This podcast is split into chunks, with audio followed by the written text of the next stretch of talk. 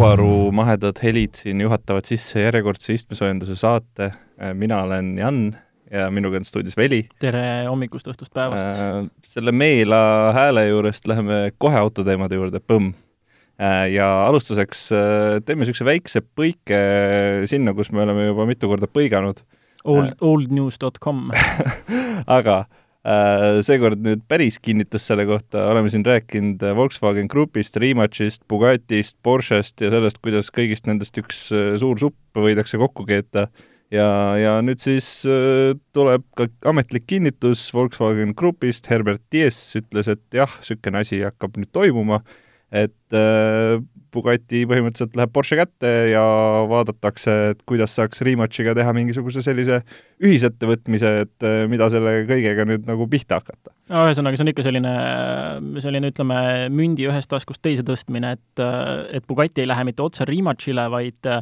Rimach tegeleb Porsche investeeringu tõttu tehnoloogiate arendamisega, mida Porsche hakkab kasutama ja siis Porsche tilgutab need omakorda Bugattidele tõenäoliselt. ühesõnaga, kogu see tehniline pool on keeruline ja las see jääda juristidele juristidel arutamiseks, aga põhimõtteliselt see, mis me siin nüüd rääkinud oleme, siis äh, tõenäoliselt saab tõeks, et äh, Rimac ja Porsche hakkavad mingil kujul seda Bugatit tuunima mingisuguseks selliseks elektrilisemaks asjanduseks mm. -hmm. ja noh, see on selles mõttes nii ametlik info, kui olla saab, et, et Volkswagen AG korraldab iga aasta sellist äh, üldist pressikonverentsi ja see toimus siis nüüd, ma ei tea küll täpselt tundi, aga täna ja sealt on hästi palju erinevaid uudiseid, just Volkswagen AG-d puudutavaid uudiseid täna üle ujutanud automaailma et see on siis üks neist. no vot, et ühesõnaga ka sina pruutus, ehk siis äh, Bugatti ka elektriliseks. seal ei ole jah, mingit üllatust. ja kui, kui me siin juba sel teemal alustasime, siis äh, ka Toyota, ka nemad. Äh,, ehk siis need hübriidikuningad, kes on ikkagi natukene nina kirtsutanud äh, elektri peale ja öelnud, et noh, et me oleme juba siin nii palju pappi tegelikult pannud selle hübriidi arendamisesse, et ei tea, kas me seda elektriasja nagu üldse tegelikult tahaksime teha, aga, aga pole midagi teha, peavad ka nemad äh, seda tegema. Ja lubavad, et näitavad siis Shanghais toimuval autonäitusel enda uut e-DNGA platvormil põhinevat niisugust keskmise suurusega linnamaasturit nagu meil siin pandeemia ajal juba tavaks on saanud, siis ega suurt midagi selle kohta teada ei ole, on näidatud äh, siluetti kiirelt ja kergelt ja, ja mis selle asja nimi isegi võiks mm -hmm. olla. noh, varem me oleme selles mõttes rääkinud sellest küll, et et jälle kord on teada, et äh, täiselektriline linnamaastur äh, sarnane samal põhjal tuleb ka Subaru nime all ja see e-DNG platvorm, sellest on päris palju ka räägitud, et see on siis see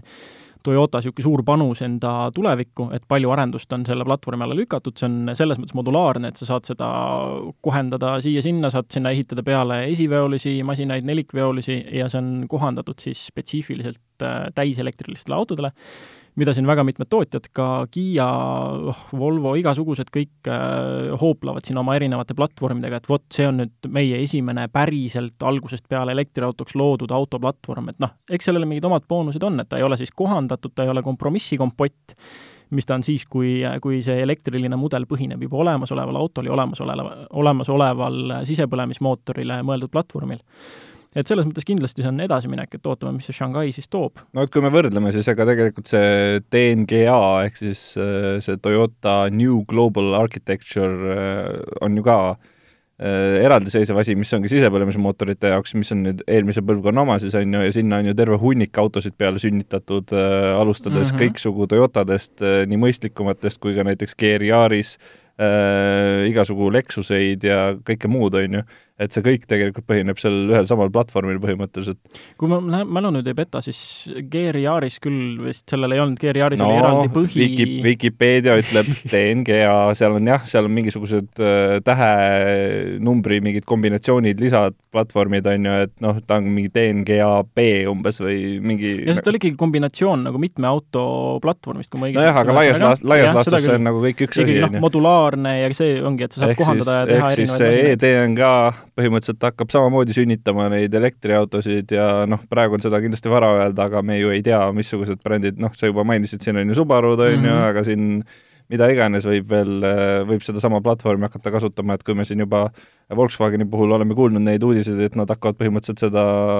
platvormi pakkuma ka teistele kasutamiseks, siis on ju mm -hmm. Toyota, arvestades kui suur nad on, see võib ka olla täitsa realistlik asi, et ja, ja noh, ja veel see, et sinna platvormile lisaks linnamaasturitele, mida tõenäoliselt tuleb terve pinutäis, Äh, tuleb äkki ka võib-olla juba mõni täis elektriline sportauto või midagi säärast, et äh, ei saa ka välistada, et äh, jälle kord, kui see võimaldab nii palju sellist paindlikkust, nagu nad lubavad, siis, siis miks ka mitte, kui just tõesti ei, ei taheta lahti lasta sellest, sellest filosoofiast, mida siin firma juht taga ajab, et noh, midagi laias laastus kokkuvõttes, et järgmised sada aastat peaks autodega ikkagi olema veel vähemalt sada aastat põnev sõita et kui nad sellest kinni hoiavad, siis, siis küll tuleb ka see elektriline sportauto sealt ära. Nii, ja nüüd räägime ühest äh, teemast, mis kindlasti põhimõtteliselt iga autoomaniku Maarjamaal äh, täiesti äh, endast välja ajab ühel või teisel moel, et kindlasti on nii diisliinimesed sellest pöördes, nagu võiks väljendada, ja kindlasti on ka elektriinimesed, ehk siis elektriautode fännid sellest täiesti masendatud millest me räägime, on äh, selline nimekiri, mille koostas äh, Green NCAP, mis on siis Euro NCAP-iga seotud ühing, kes siis ei tea, mis Euro NCAP on, siis nad tegelevad autode turvalisuse kontrollidega. Ja põhimõtteliselt see printsiip on see, et seal on täiesti eraldiseisvad valitsusorganisatsioonid, kõiksugu muud autoühingud ja nemad tagavad selle, et see uuring ja kõik see asjade kinnitamine oleks nii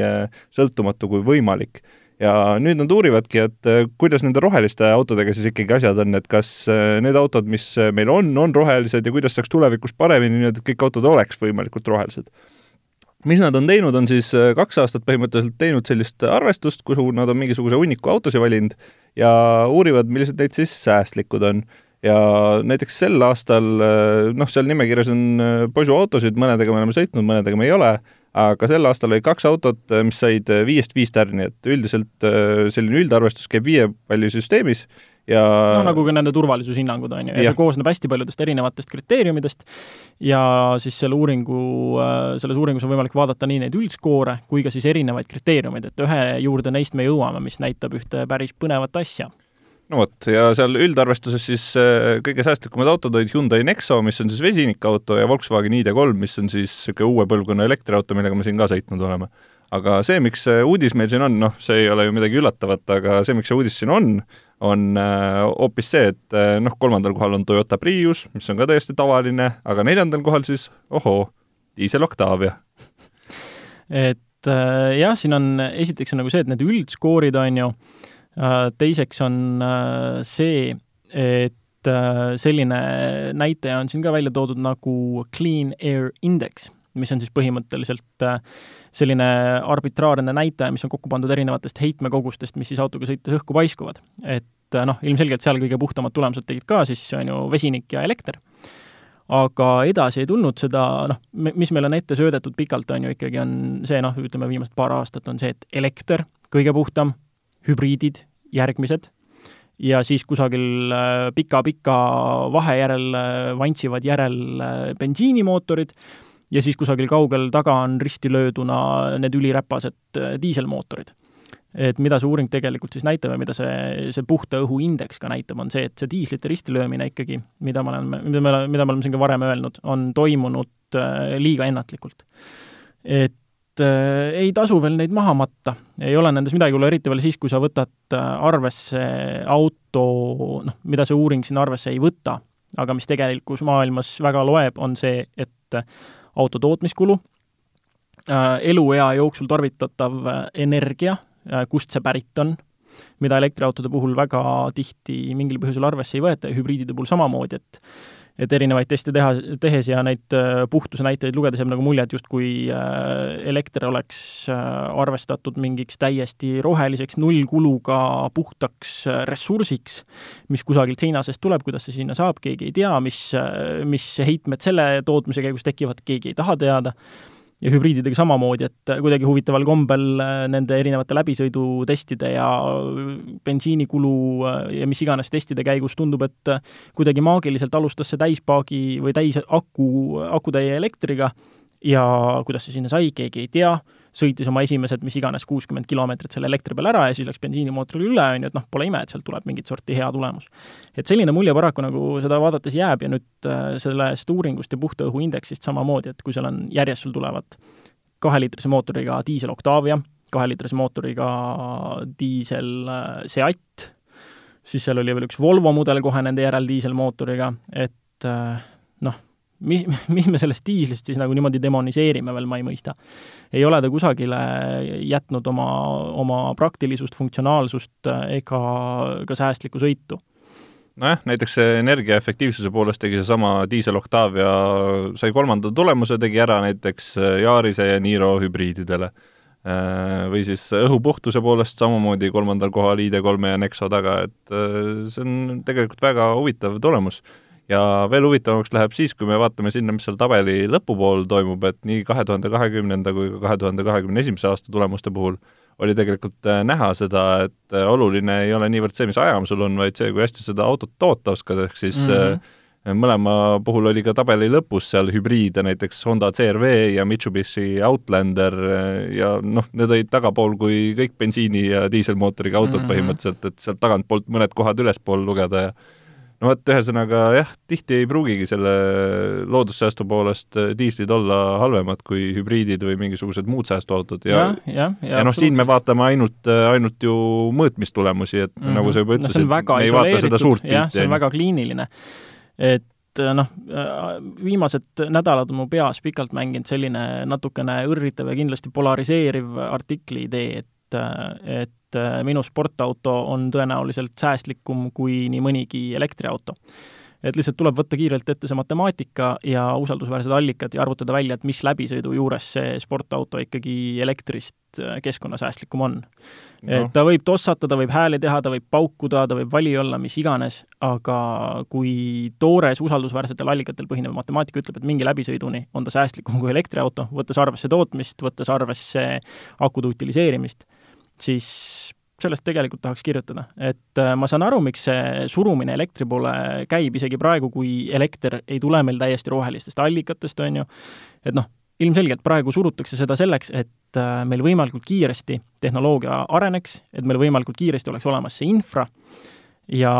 see, need teadmised, et seda infrat laiendada ja et meil see üleminek elektrile saaks olema, saaks olema, ütleme noh, kiirendatud ja et me võimalikult kiiresti saaksime nii-öelda elektriauto valmis et selle koha pealt mul ei ole mingeid etteheiteid ja mul ei ole sellele initsiatiivile kui sellisele keskkonnasäästule mitte mingeid etteheiteid. aga praegu lihtsalt natukene see tundub äh, sellise religiooni mõõtu asi veel, et äh, elektriauto ei ole valmis, et me ei saa ka käituda, et ta oleks valmis. Nüüd äh, räägime paarist äh, huvitavast äh, autost, mis võib-olla ei ole ülemäära palju tähelepanu saanud, aga nüüd lähiajal peaksid hakkama palju rohkem tähelepanu saama. Ehk siis selline hiigelmonstrum nagu Stellantis, mis äh, nendele, kes ei mäleta, siis äh, siin äh, millal, umbes aasta tagasi vist? umbes nii olid jah, esimesed uudised sellest, et hakkab, tuleb, tuleb suur ühinemine. ühesõnaga vormus FCA ja BSA liitumisel, ehk siis Fiat, Chrysler, Automobili ja siis Peugeot Societe Anonymite. jah, täpselt Äh, liitumisel jah, tekkis siis äh, maailma suuruselt neljas autotootja ja palju on olnud spekuleerimist selle üle, et mida nad siis hakkavad tegema ja kus kohas ja kuidas ja mis brändid nad alles jätavad, mis brändid nad ära kaotavad, mis brändid hakkavad kuidagi ajas muutuma. ja siinkohal mina saan ka kohe tõsta käe püsti ja öelda, et äh, nende spekulatsioonide koha pealt, et mina, Veli Valentin Rajasaar, panin ühe spekulatsiooniga mööda ja see on see, et Lancia mille kohta ma ütlesin, et see tõenäoliselt tapetakse kiiremas korras maha. seda ei juhtu. see on minu jaoks väga üllatav, aga Lancia äratatakse surnuist üles ja sihitakse teda hoopis sinna luksi ja premiumi poole. et äh, väga põnev, ma tõesti sellise brändi kohta ootasin, et tema lihtsalt kaob niimoodi vaikselt ajaloo unustuse hõlma ja jääb, jätab oma Lants on huvitav bränd tegelikult. jätab oma rallipärandi, on ju, et ta on jah, just minu jaoks on,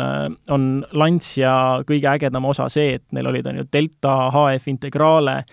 äh,, igasugused straatused, asjad, mis rallidel osalesid, neil tagaveoliseid rallikaid on olnud, nelikveoliseid rallikaid, legendaarsed masinad. et see osa nende pärandist on väga-väga põnev ja siis mingist hetkest tulid mingisugused imelikud autokujulised tooted, mis ei olnud nagu väga liha ega kala ja siis nad on lihtsalt pildist kadunud olnud. et noh, täiesti arusaadav, miks võib väga paljudele jääda mulje, et, et sellele tõmmatakse nüüd kriips peale. aga nagu me näeme, siis nii see ei lähe ikkagi mm. -hmm. ja Lancia Ypsilon peaks siin lähiajal saama siis äh,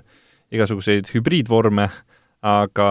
see, millest äh, suuremalt on räägitud, on see, et kahe tuhande kahekümne neljandaks aastaks äh, taas-taas äh, platvormi uudised luuakse üks äh, ühisplatvorm DS-ile, mis on siis selline Citroenist võrsunud äh, pigem linnasõidukite bränd äh, DS-ile, Alfa Romeole ja Lanciale. Et ühesõnaga, me ilmselt näeme ka seal mingisugust ühtlustamist ja, ja midagi sellist huvitavat dünaamikat, et kuidas nad võiksid teineteist täiendada, et see, see saab olema päris huvitav. jah, ja samas jällegi, jälle kord see platvormide ühtlustamine, ühtsustamine, samamoodi nagu äh, on see ühinemine ise, et noh, eesmärgiks on ikkagi lõppkokkuvõttes kulude kokkuhoid, et kõik need, kes siin teevad oma modulaarseid platvorme ja jagavad neid teiste tootjatega ja kõik,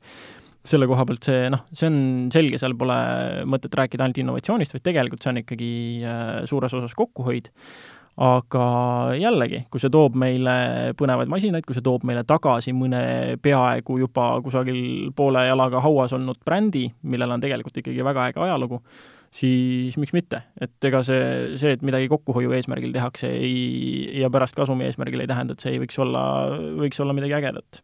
Eks saame näha, milleks see siin praktikas vormub lähema kolme aasta jooksul. kõigest eh, paar hetke ainult oodata aga nüüd selle nädala proovisõiduauto ja selleks oli siis äh, trummipõrin äh,, uus Cupra ja Cupra, mis on siis esimene päris Cupra nii-öelda, ehk siis mm -hmm. Cupra Formentor, Formentor no,, ilmselgelt sellel, sellel on ikkagi tehnika pärineb äh, Volkswagen AG-lt nagu ikka, aga jah, sel korral nad on saanud päriselt oma asja teha, et veel viimane asi, mis enne seda Cupra nime kandis, oli siis Cupra Ateca millega me samamoodi oleme sõitnud kunagi ja, ja sellega oli ikkagi see, et noh, see oli tegelikult ikkagi põhimõtteliselt sätt, millel oli siis vängem mootor ja käigukast vahele pandud ja nelik. Aga jah, Formentor äh, nimi kusjuures põhineb ühel teel, kus ma olen äh, oma elu jooksul kaks korda sõitnud ja kuhu ma tahan kindlasti veel tagasi minna. et see on Cap de Formentor, mis on äh, Mallorca saarel ja üks kahest minu arvates kõige ägedamast teest selle saare peal ja noh, minu elu jooksul sõidetud teedest üks ägedamaid teid üldse, et see on selline kunagi ma vist kasutasin sellist eufemismi selle kohta, et selle mägitee arhitekt sai inspiratsiooni maha kukkunud märjast spagetist. ja selle koha pealt see on väga hea, et ta seda inspiratsiooni just sellest sai, sest et see, see tee ongi äh, hästi käänuline, üles-alla, pimedad kurvid, kitsas, aga see on täpselt selline sõit ja tee. Form-, Formentori jaoks siis, jah? Jah, ja kusjuures Formentoriga sõites oligi just see, et äh, noh, äh, ma siis hüppan korra selle sõidu juurde, millest pärast niikuinii pikemalt äh, räägime, aga jah, üllatav, kui hästi see masin kuival asfaldil ikkagi äh,, ikkagi maha liimitult püsib, ka siis, kui kabilised on välja lülitatud, et äh, ta jättis kindlasti palju konkreetsema mulje kui näiteks Cupra Ateca. ma olen sellega täiesti nõus ja see on tegelikult üks suuri asju, mis mul Ateca puhul oli ka nagu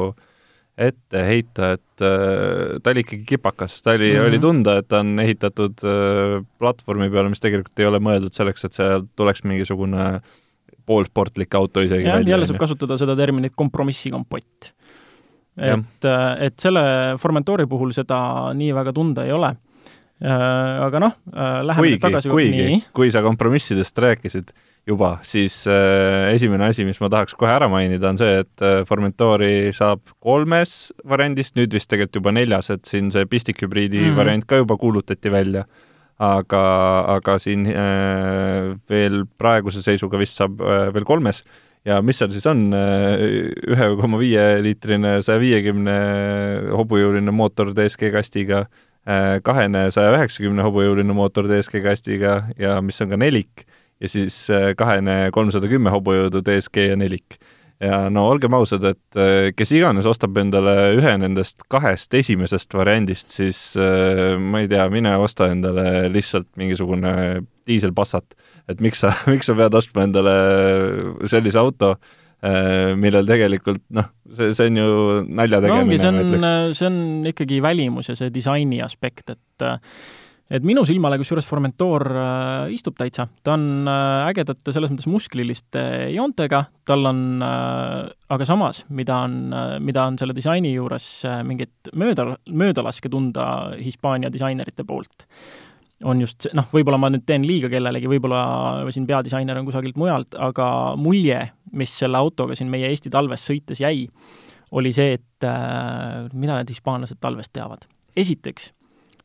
tagumised väljed juba väikse sõidu peale viskasid niimoodi lund täis, et maantee kiirusel sõites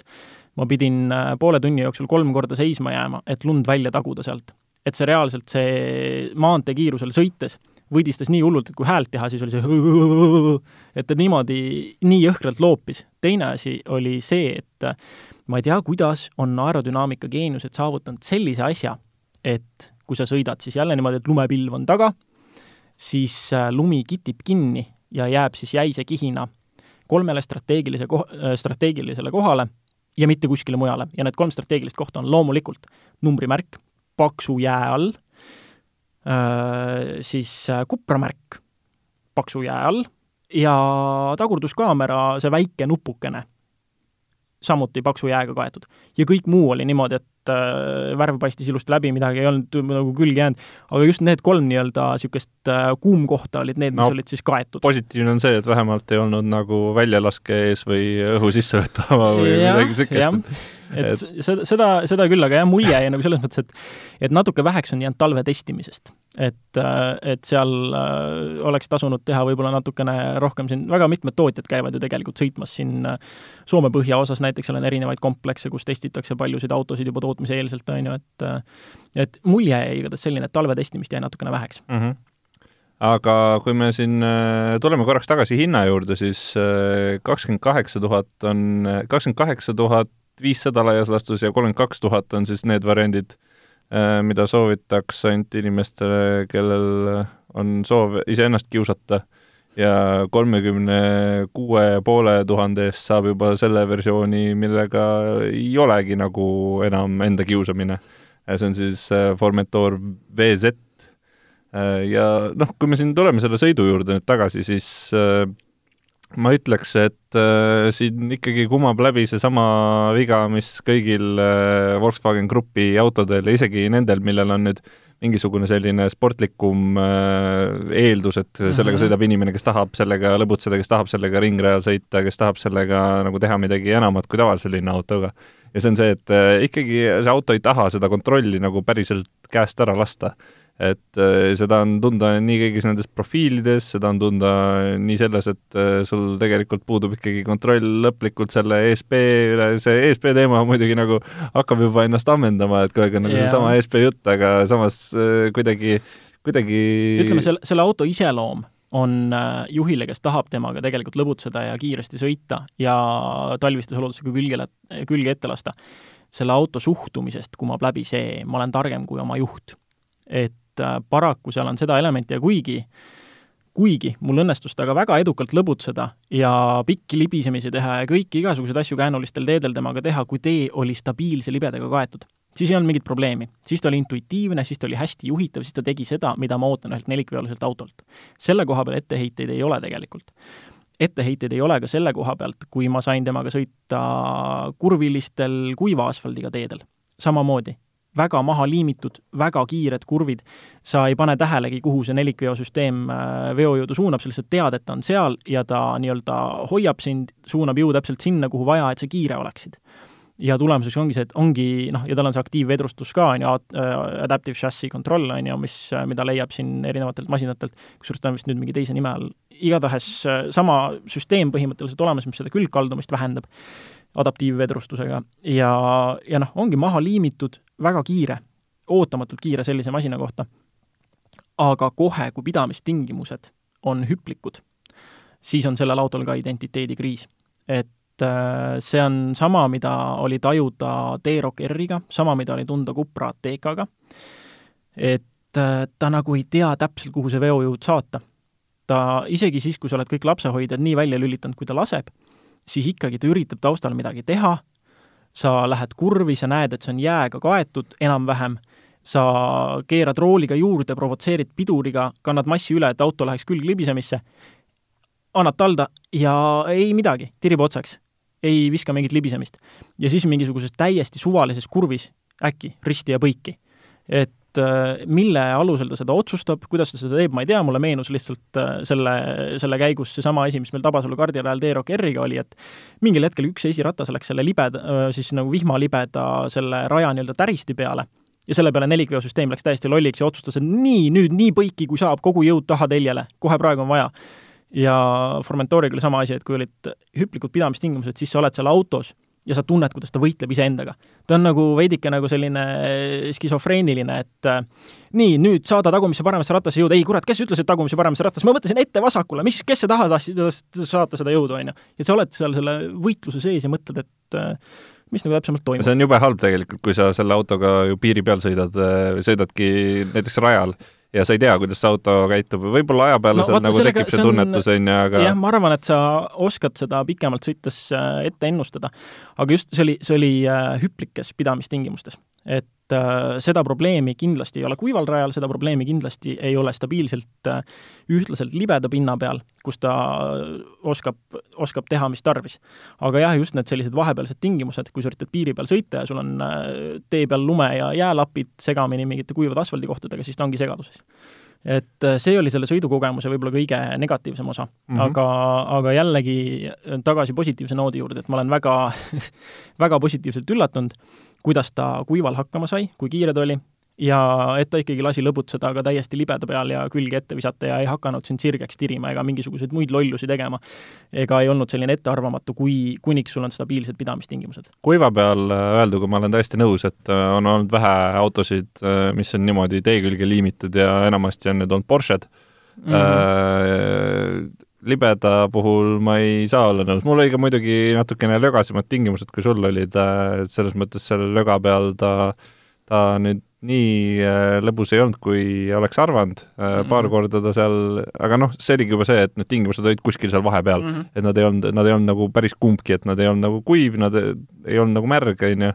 ja, ja siis, siis ta käituski nagu veidralt aga mis mulle väga meeldis, oli tegelikult just äh, sisemuse disain, mulle meeldis ekraan, mulle meeldis see, kuidas kõik oli intuitiivne ja loogiline, mulle meeldisid istmed, mis olid äh, väga mõnusad, mugavad mm, -hmm. mitte tagaistujatele just, on ju, kuna nad olid ikkagi äh, sellised äh, noh, pigem korvistme tüüpi, on ju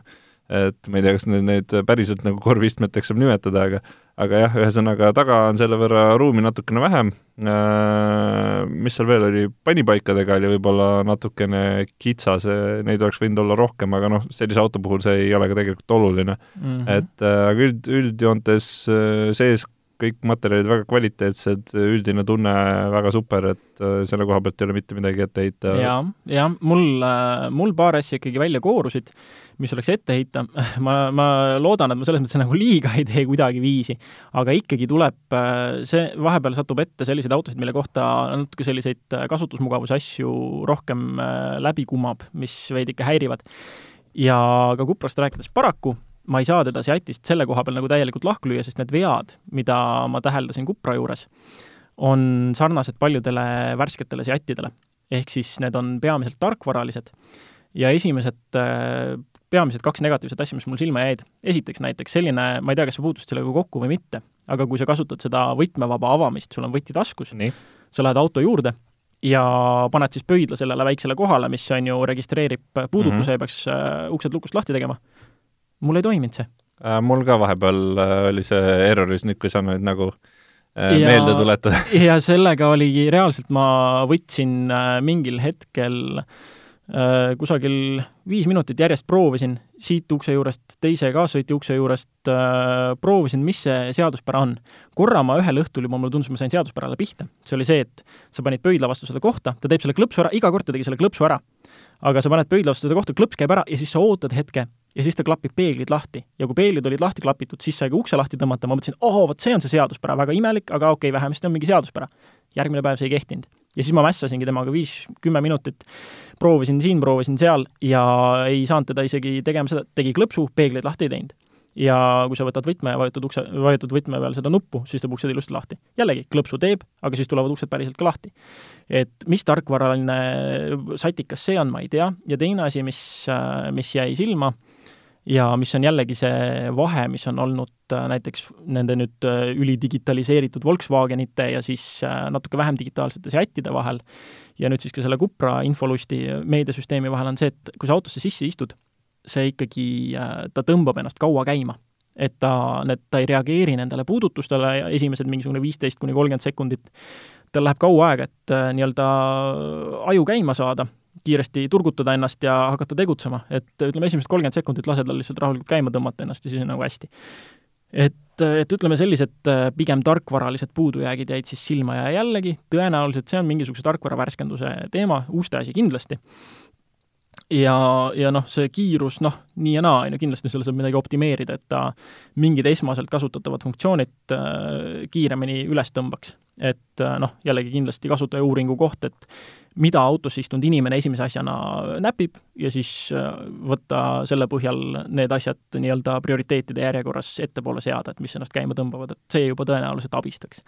aga laias laastus ikkagi jah, nõus selle viimistlusmaterjalide kvaliteedi, kõige sellega, et äh, tegelikult temas on nagu mõnus olla, et kui, äh, kui sa kui sa lepidki sellega, et sa pead uksed võtmest lahti tegema ja autosse istudes kolmkümmend sekki ootama, kuni ta end käima tõmbab, siis äh, ei ole seal tegelikult midagi rohkemat talle ette heita selle koha pealt. mind isiklikult see ei häirinud, äh, ma võikski kokkuvõtteks öelda, et äh, minu arust oli väga lustakas, väga võimekas auto, väga ilusa disainiga, aga tal on need väiksed vead, mis ikka Volkswagen Grupi sellistel sportlikumatel autodel on, et kui need sobivad, siis ideaalne auto. Äh, suurepärase hinnaga ka tegelikult. jah, ja kui veel midagi kokkuvõttele lisada, siis äh, äkki antakse kunagi Kuprale veelgi rohkem vabu käsi või noh, siis nii-öelda ruumi tiibu sirutada natukene, et et teha oma siin emakontserni all äh, natukene rohkem oma asja, et tõenäoliselt siis saaks ka need Volkswagen AG-ga seonduvad äh, vead veidikene minimeerida. et et äh, laias laastus tegelikult meeldis väga-väga hea sõita, kuniks pidamistingimused on stabiilsed. aga nüüd äh, nädala auto mõte ja nädala auto mõte puudutab siis äh, Velit ja ma eeldan, et tema äh, pisikest punast äh, Toyotat ja kusjuures need pisikesi punaseid Toyotasid mul on kaks, aga seekord ma räägin sellest äh, sellest, ütleme, äh, roim autost ehk siis Corollast et äh, mida ma olen siin märganud, ma olen siin viimasel ajal äh, vahetanud autosid selles mõttes suhteliselt tihedalt ja vastavalt ilmale. et kui on päris talv olnud, siis ma olen ikkagi äh, Subarut rakendanud ja kui on sellised vahepealsed ilmad, kus on soolalöga rohkem, kus ei ole konkreetselt talve olnud, siis ma olen võtnud Corolla, mida ei ole kahju siin soolalöga sees retsida, on ju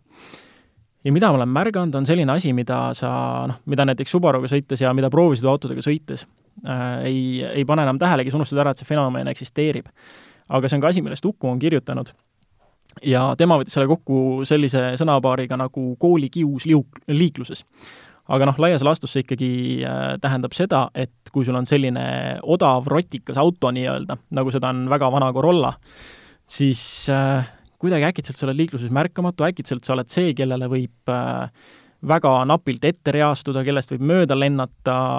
keda võib äh, suruda ja survestada ja ühtlasi sa oled see, kellest on igatahes vaja kus, kus iganes mööda saada.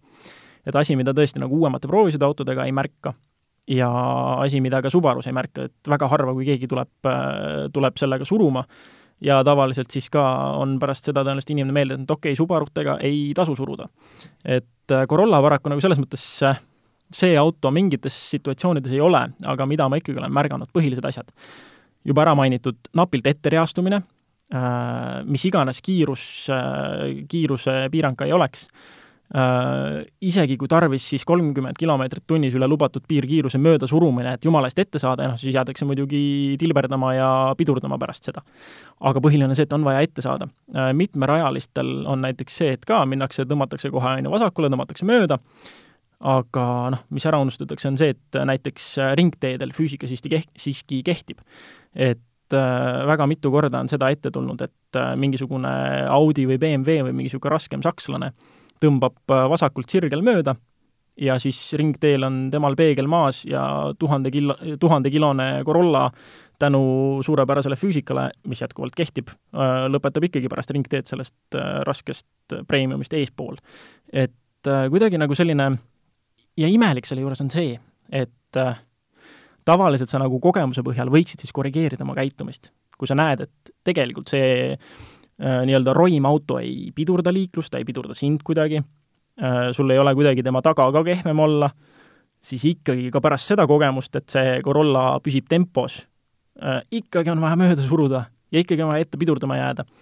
et see on imelik, et ma ei tea, kas sa oled seda märganud äh, liikluses, on sul ette tulnud no,? Come on, mul on ju auto, mis näeb välja täiesti tavaline auto ja sellega on pidevalt seda äh,, eriti just äh, klassikaline olukord on, noh, sa küll seda konkreetselt ei maininud, sa nagu viitasid lihtsalt reastumisele, aga klassikaline olukord on see, et sa seisad kuskil äh, äh, punase tule taga. Mm, -hmm. seal on kaks äh, sõidurada. Äh, sinu taga on näiteks veel üks auto ja siis su kõrvale tuleb keegi, kes on tegelikult, oleks sealsamas, äh, samal rajal kolmas auto, aga ta mingisugusel veidral põhjusel arvab, et ta peab tulema sinna kõrvale ja hakkama suruma sellest äh, golfist mööda mm. -hmm. ja noh, see on juba põhimõtte küsimus, et sellisel juhul ma näitan, et sellest golfist nagu väga mööda ei suru. et äh, täiesti tavaline asi, just äh, eile puutusin sellega kokku, kus oligi noh, täpselt sama olukord, äh, mitte mingisugust liikluskoormust, et ma sõidan tavaliselt äh, kas nii hilja või nii vara ja nüüd praegu siin pandeemia ajal üldse ju mm -hmm. inimesi põhimõtteliselt ei sõidagi. aga ikka on vaja nagu tulla kõrvale ja, ja kõige hullem selle juures on see, et ma tavaliselt märkan, et ma olen valdavalt nagu parempoolsel rajal äh,, tullakse vasakpoolsele rajale, tahetakse mööda suruda ja siis, kui ma olen juba eest ära sõitnud, siis ma vaatan nagu tahavaatepeeglist, et seesama auto tegelikult äh, reastub paremale tagasi ja teeb parempöörde et noh, see, see ongi mingi niisugune kummaline asi, et no seda, seda fenomeni ma kohtan mis iganes auto roolis olles. ja kõige hullem ongi see, et jällegi inimesed nagu ütleme, korduvast kogemusest ei õpi. et Äh, näide ka sellest samast Corollast, näide mm, siin hetkest, kui tuli jälle päris talv ja noh, mul Corollal on ka täiesti okeid naastud all ja Mustamäel siis äh, sõitsin, noh, punase fo-, äh, ootasin foori taga, mingisugune Audi oli ka, kes oleks mulle ta-, taha jäänud, aga tuli reastus kõrvale. Äh,, ei saanud mööda. Reastus taha, tuli järgmine foor, reastus uuesti kõrvale. niimoodi kolm korda järjest. Ja iga kord jäi selja taha. Ja ma mõtlen, mis, mis nagu vajadus on siis mööda saada või, või teha või mis, mille, mille pärast siis tegelikult. Ja noh, ja teine asi, mida ma kohtan ka alati äh, mis iganes masinaga sõites tihti, on seesama fooride loogika, et et kui sa näiteks sõidad mis iganes oma kodu, oma töömarsruudil ja sa tead seda foori tsüklit hästi, sa oskad äh, sõita niimoodi, et sa ei pea enne foori roheliseks minekut äh, pidurdama, tempot maha võtma, mitte midagi, aga sa tead, et sa pead vahepeal selle foori ees nii-öelda foorile lähenedes korra sõitma alla lubatud piirkiiruse ala, mingi neljakümnega veidike aega veerema. ja järjepidevalt jälle, tihti just sakslased jäävad selle, saksa autod jäävad sellega silma, et äh, jällegi, kohe kui nad peavad minu taga korraks neljakümnega sõitma, reastuvad kõrvale, jõuavad foorini, pidurdavad maha, jäävad seisma ja mina lähen neist rahulikult mööda, sest foor läheb täpselt roheliseks. ja nad teevad täpselt sama asja uuesti miks siis ei võiks korrigeerida käitumist, mida nad üritavad saavutada või kuidas, miks nad üritavad ennast välja elada või mis mis kompleksiga on tegu, kas sellele seisukorrale ja seisundile on ka mingit sorti nimetus arstide poolt antud, ma ei tea, aga, aga seda kohtab liikluses maru tihti ja see võimendub, kui sa sõidad mingit sorti kas siis äh, märkamatu või väikse või nähtavalt vana ja nii-öelda rondiautoga, on ju. Et kurb, et selline fenomen on, sest et mis iganes proovikaga, isegi kui see on mingisugune tutikas, mis iganes Bentley, Porsche, ma ei tea, mis siin kätte võib sattuda, ma kuidagi ei, noh, ma ei hinda teisi liiklejaid, ma ei, ma ei hinda ennast kõrgemale kusagile ja ma ei hinda teisi liiklejaid äh, selle järgi, mis autoga nad tegelikult liiklevad, ma hindan neid selle järgi, kuidas nad liiklevad jah, see, mis, see, mis tähelepanekud ja statistika sellest välja joonistub erinevate nii-öelda automarkide omanike kohta, see on teine asi. aga esimene hindamiskriteerium on see, kuidas nad sõidavad. See, mis auto ja mis mark, see tuleb nagu, see, see tuleb, see on sekundaarne ja see tuleb hiljem. et, et kahju, et eksisteerib ikkagi selline staatuse võitlus või enda staatuse näitamine, enda väljaelamine liikluses äh, vastavalt sellele, mis autoga sõidad sina ja mis autoga sõidab keegi teine oleks no, juba aeg lahti lasta. mis, mis ravi sellele kõigele on, seda me kahjuks või õnneks ei oskagi öelda, aga